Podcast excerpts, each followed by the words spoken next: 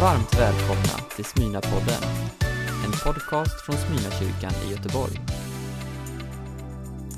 Varje dag i stilla veckan, den sista veckan som är fasteveckan, så följs vi åt steg för steg i och omkring Jerusalem.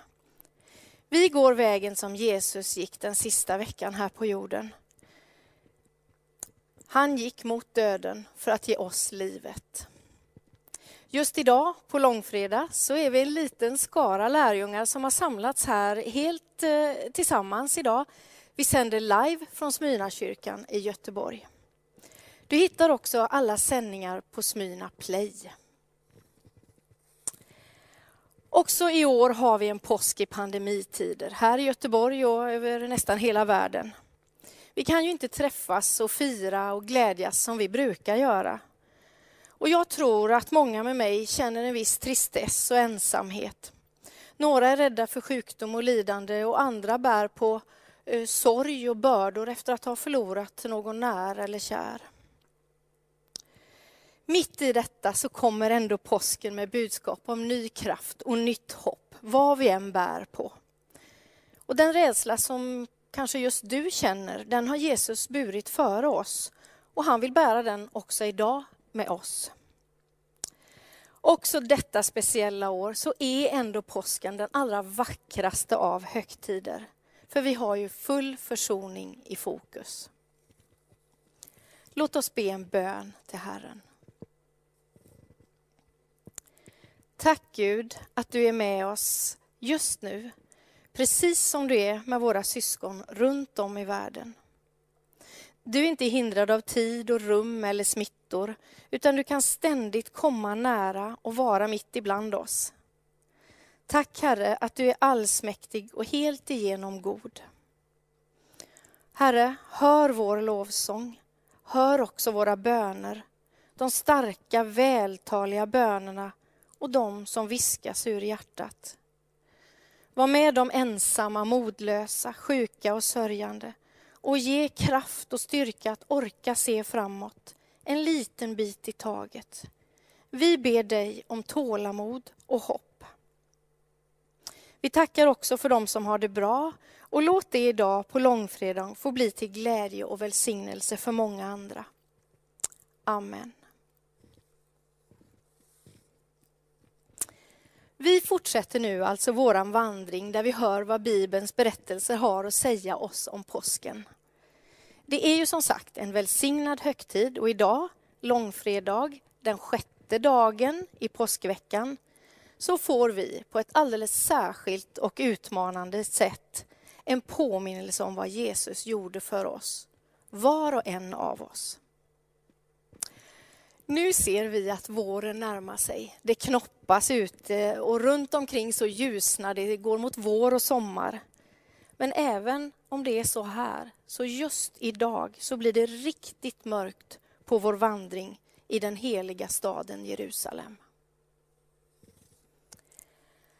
Händelserna kommer ta vid och fortsätta där vi igår lämnade Jesus när han i nattens kyla och mörker fördes bort av soldaterna från Getsemane, bort från sina vänner mot en grym och orättfärdig dom.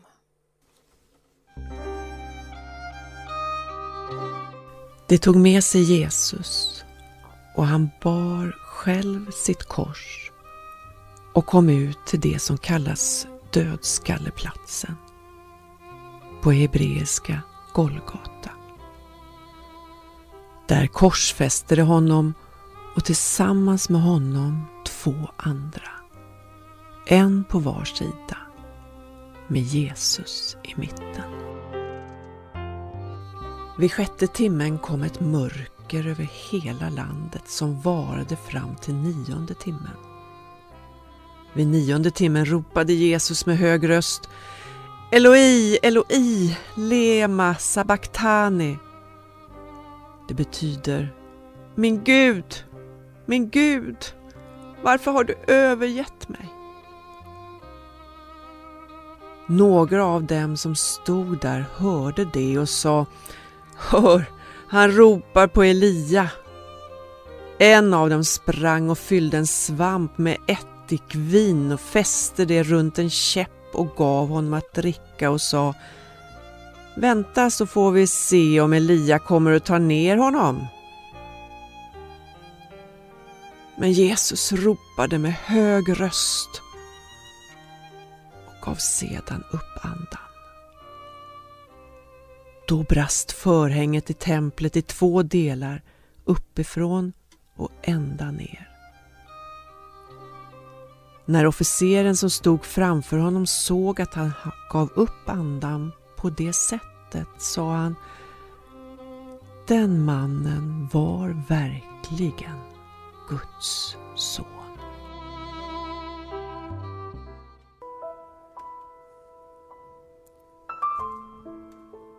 Det är mitt i natten mellan skärtorsdagen och långfredagen, påsken 33, den 4 april då det ännu är kalla nätter i Jerusalem. Men kylan och mörkret fanns både omkring människorna och inuti dem. För nu sker de två första förhören med Jesus efter han gripits i ett semane trädgård och förts bort i natten. Stora rådet har kallats in av överste prästerna och förhören hålls alltså mitt i natten och det sker vid deras bostäder. Unikt och regelvidrigt men begripligt då det finns ett intresse att rättegången skulle kunna hållas och genomföras med så lite uppmärksamhet som möjligt. Men det går inte så lätt som man hoppats. Då vittnena motsäger varann och Jesus tiger eller svarar utan att lockas in i några fällor. Men till slut lyckas man med hjälp av nya vittnen och nya anklagelser omtolka ett svar från Jesus och få det till hädelse. Och i det stenhårda tryck och hat som råder vågar ingen av de närvarande Stora rådsmedlemmarna rösta mot översteprästernas linje. Det blev fällande dom. Dödsstraff. Men man ajournerar sig nu för någon eller kanske några timmars vila. För Jesus. Kan ända nedsäckt i någon av fånggroparna eh, vid Kaifas palats blev det ingen sömn då han förstår vad som väntar. Och han ber som han brukar till sin far, men nu med orden i någon av salmerna i Saltaren. Gryningen infaller vid den här tiden på året ungefär tio över sex och halv sju följer soluppgången över Jerusalem. Men redan innan gryningen så hade man lyckats samla ihop Stora rådet igen för ett kort möte och fastställt den nattliga skenrättegången. Och nu bär det av mot pretoriet och den mäktige ståthållaren Pilatus, romarrikets representant. För det var bara han som fick utdöma och verkställa dödsstraff. Och dessutom ville man av rädsla för folket kunna skylla på någon annan, skylla på romarna. Nu är det bråttom för snart börjar gatorna fyllas av människor, särskilt en påskhelg som denna när man skulle förbereda den stora sabbaten. Och majoriteten av folket var ju antingen på Jesus sida eller kanske neutrala, tvekande. Det var inte de som dömde Jesus. Det var nu ett korrumperat ledarskap och en grym ockupationsmakt som skulle försöka samagera. Vid soluppgången så släpas nu Jesus fram inför Pilatus. Pretoriet låg alldeles invid tempelplatsen och här brukar Pilatus vistas vid storhelger för att kunna stävja bråk och politisk oro. Och nu har plötsligt brottet ändrats. Anklagelserna gäller nu uppror mot romarna. Därför att romarna struntade högaktningsfullt i eventuella interna judiska hädelseanklagelser. Men Pilatus förhör med Jesus stärker inte anklagelserna, de nya anklagelserna heller. Så i ett försök att komma undan så kallar Pilatus in Herodes, kungen över Jesu hemtrakter, Galileen bland annat, för att han skulle förhöra Jesus och om möjligt vara liksom en del av processen. Men inte heller han finner fog för anklagelserna. Så Pilatus får tillbaka ärendet i sitt knä. Till slut orkar inte Pilatus stå emot det enorma trycket från pöbeln, anhängare till en viss Barabbas och från den religiösa makteliten som trycker på allt hårdare. Så vi finner honom där han tvår sina händer, uttalar uppgivet dödsdomen att utföras genom korsfästelse. Och när väl domen är fälld så pryglas Jesus med det fruktansvärda romerska spöstraffet som bestod av 39 slag, för 40 ansågs dödande. 39 slag med en piska med vassa metallkrokar som slet sönder offrets rygg. När vi tittar på alla dessa förhör så får inget av dem anses objektivt, att vara ute efter att få fram sanningen. För Jesus var redan dömd på förhand. Och det är en ödets ironi att en grym romersk makthavare, Pilatus, som fick avgå senare för att han ansågs alltför grym vid en massaker mot ett stort antal samarier och som hade bidragit till att tusentals judar blivit upphängda och korsfästa. Men att han blev det närmaste man kan komma en försvarare. Kanske mest på grund av hustruns Claudias dröm. Någon gång efter åtta på morgonen så staplar en oskyldig man, svag av smärta och blodförlust, genom Jerusalems gator, bärande på det romerska korsets tvärbjälke, patibulum. Ett helt kors vägde cirka 140 kilo, men själva tvärbjälken den vägde 45 kilo. Därför tror man, så som ofta var brukligt, att den dödsdömde Jesus endast bar den nog så tunga tvärbjälken. Och han vacklar under tyngden. Och man får tag i en nordafrikan, Simon från Kyrene, att bära bjälken åt honom en sträcka. Klockan nio är allt klart, vid tredje timmen, så som man räknade tid på den tiden.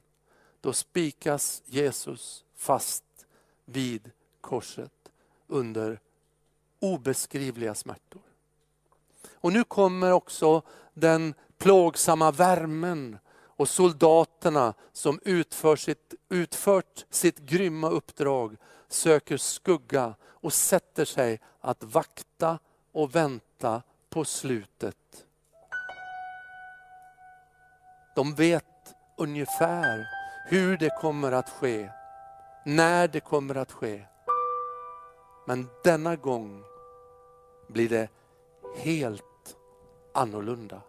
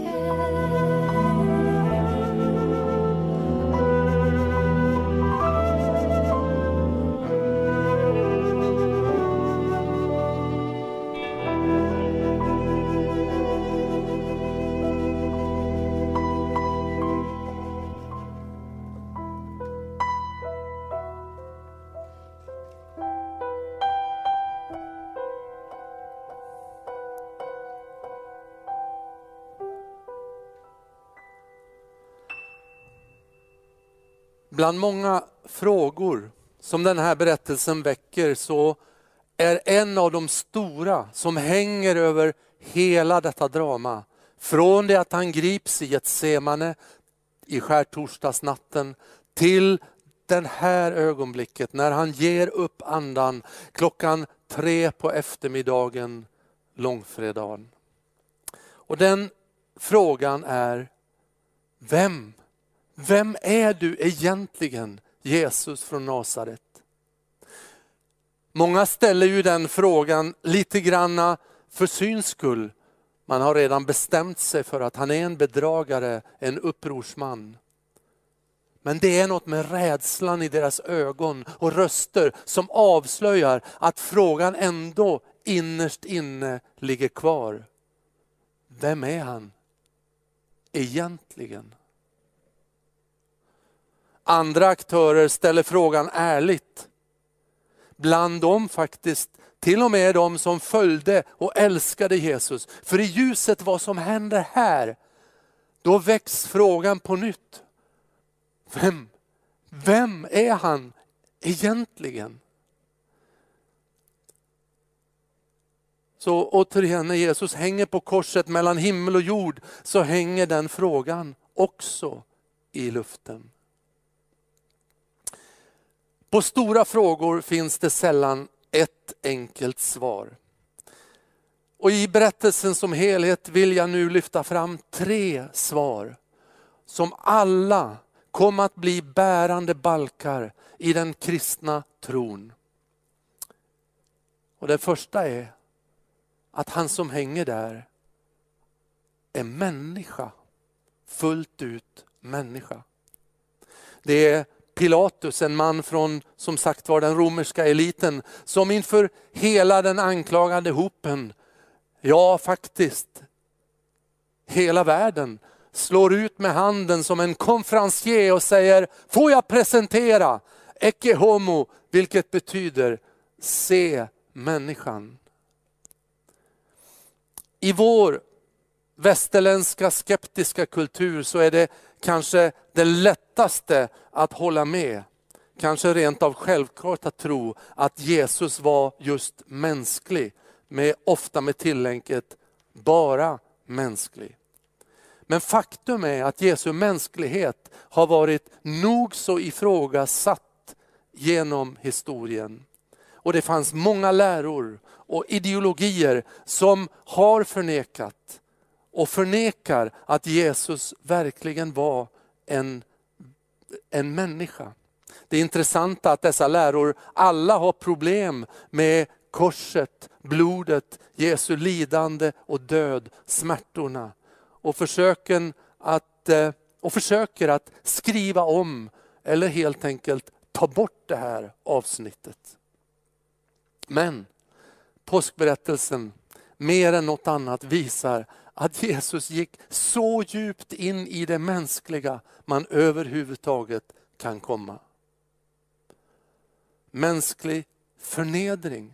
Han som får den här presentationen står där just då med en törnekrona nedtryckt över sin panna under svåra smärtor. Iklädd en röd sliten soldatkappa som skulle liksom imitera eh, och håna begreppet kung. Blodet, svetten rinner ner för ansiktet och eh, blodet från ryggen blöter igenom och gör den purpurröda manteln flammig i olika nyanser av rött. Alla tavlor, eller många av tavlorna som målats av den här scenen, det är ofta förskönade. Korsfästning var inte vackert. Det Jesus utsattes för, det är den djupaste mänskliga förnedring man kan tänka sig. Naken, pinad, hånad, sviken, övergiven och därtill den fysiska smärtan. Och här censureras ju inte i berättelsen heller Jesu egen ångest och ensamhet och bävan inför detta yttersta av mänskligt lidande. Sannerligen, han var människa i sin förnedring. Men inte bara det. Berättelsen är samtidigt ett oöverträffat porträtt av mänsklig värdighet mitt i förnedringen. Påsken är berättelsen om kärlek och vänskap in i döden. Om sanning som avslöjar orättvisor, dubbelmoral och falskhet.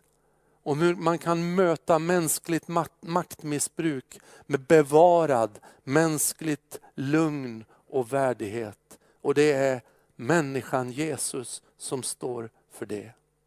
Här möts liksom det sämsta hos människan med det bästa hos människan. Och trots att man gör allt för att sarga och såra och slå sönder honom så står han fram som den enda hela människan i dramat. Sannerligen, han var människa i sin värdighet. Och det andra svaret som vi kan hämta ur den här berättelsen det är också Pilatus bland annat som står för det. Han är kung. Pilatus gör det i både ord och skrift. Det är en sällsynt samling av celebriteter och människor med höga titlar, bland annat, bland annat minst en kung. De har starka mandat och med stor nervositet gör de allt för att Jesus inte ska kunna uppfattas som en kung. Först genom hot, sen genom hån. Och ändå är det som om Jesu kungaanspråk bara växer i styrka trots att han inte själv driver det. Till slut hänger han på korset under en skylt som satts upp av den högsta jordiska auktoriteten, nämligen Romar, Rom, eh, Roms makt. Det står Jesus från Nasaret, judarnas konung. Och Det står till på köpet på tre språk för att tala om att det här är ingen lokal stamhövding. Det proklameras för hela världen. Och en av dem som står där och tittar på, lärjungen Johannes, då en ung man, ska innan han dör, och han levde till han blev nästan hundra år gammal, då ska han beskriva Jesus med orden kungars kung och herrars herre. Påskdramat visar att ett av mänsklighetens största problem, och det manifesteras i dessa dagar också, det är maktmissbruk. Men påskdramat visar att mannen från Nasaret är lösningen på det problemet. För här står en vapenlös, sårad, förnedrad människa. Mest känd för sin kärlek och ödmjukhet och utropas på korset till slut som kung. Ja, han är kungars kung. Tsarernas tsar, presidenternas president och till och med kyrkoherdarnas överherde. Hans upphöjelse på korset blir till en triumfart likartad installation som trumfar alla maktdemonstrationer och installationer i jordiska maktpositioner i alla tider. Paulus säger i Kolosserbrevet att Jesus här på korset avväpnar härskarna och makterna.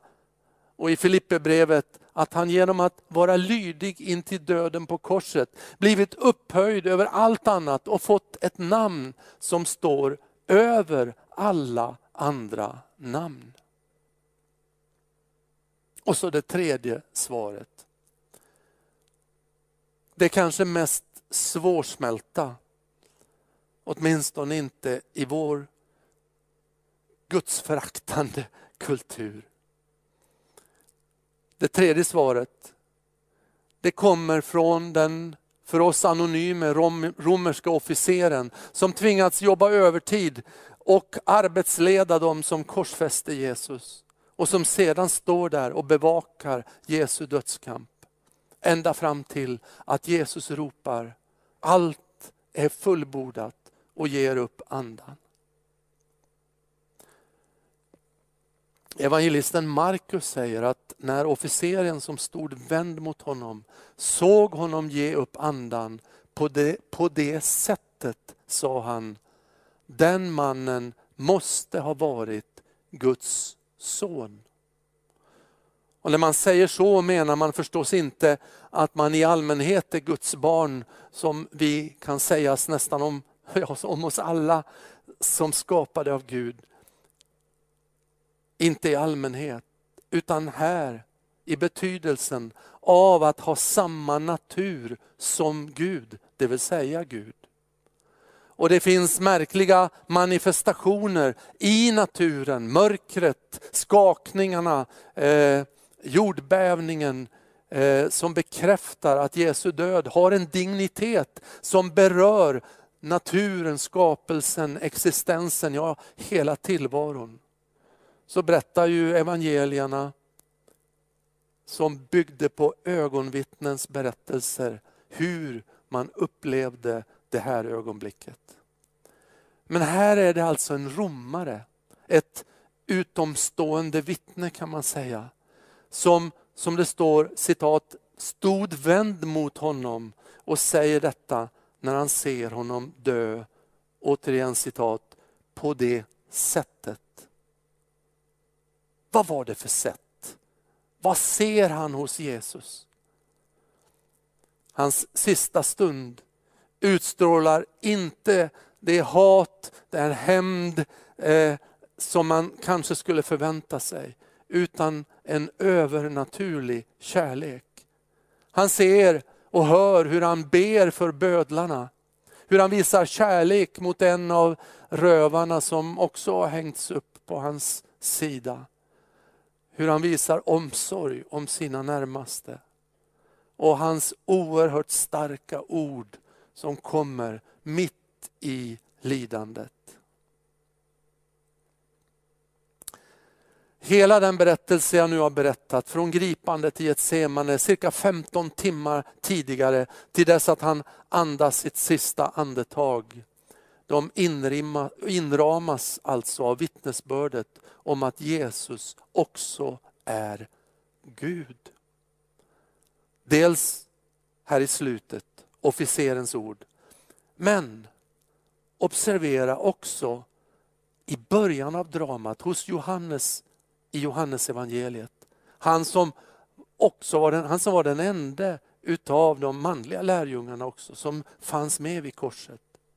Och där när han greps.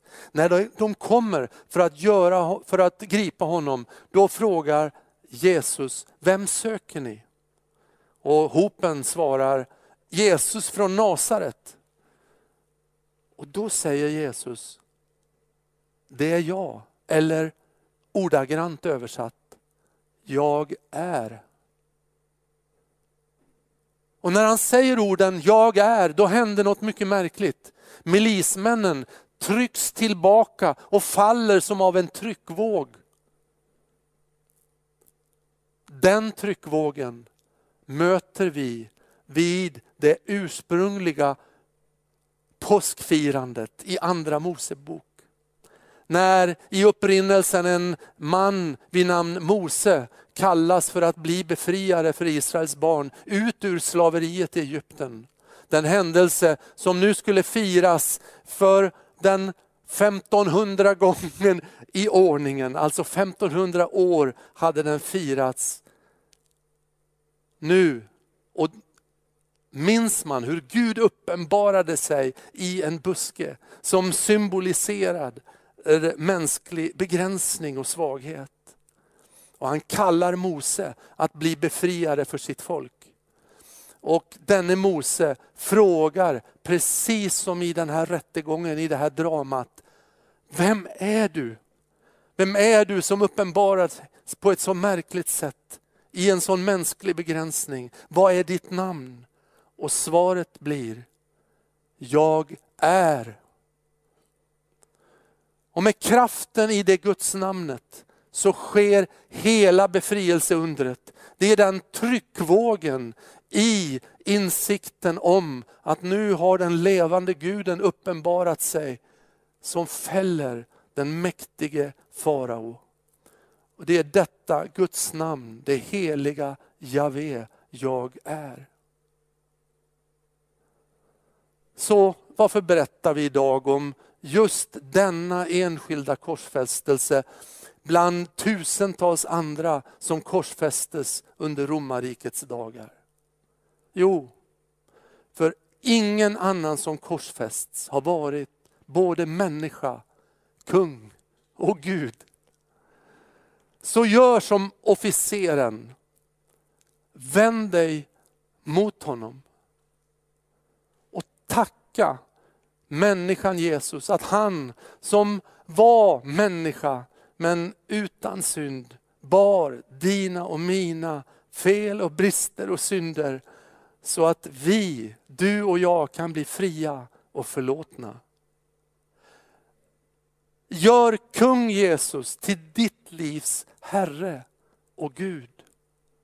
För tryckvågen från honom kan fälla de makter, krafter och avgudar som håller ditt liv i fångenskap. Amen.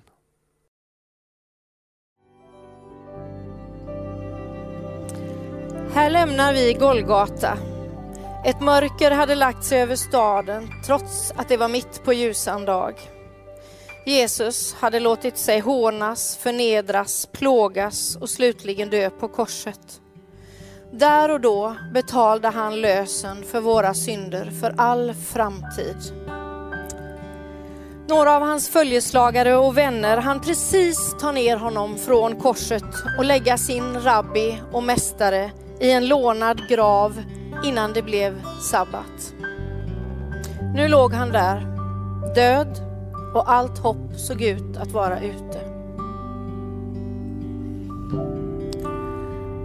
Imorgon är det shabbat, den sjunde dagen i veckan som firas i stillhet och vila. Vi möter lärjungarna som trott och hoppats så mycket på sin mästare Jesus. En konung och frälsare men som eh, tycks ha visat sig inte ens kunnat hjälpa sig själv. Vi möter dem i rädsla, med sorg och förtvivlan i sina hjärtan. Bakom stängda dörrar kurar de. Vad skulle det bli av dem nu? Vad kan komma ur allt detta?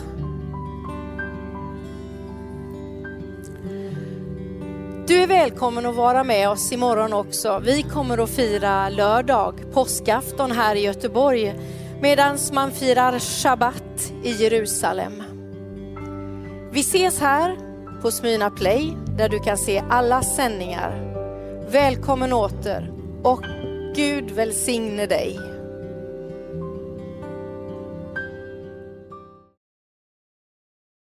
Du har lyssnat på en predikan från Smyrnakyrkan i Göteborg. Hjärtligt välkommen att lyssna igen eller besöka Smyrnakyrkan. Gud välsigne dig och din vecka.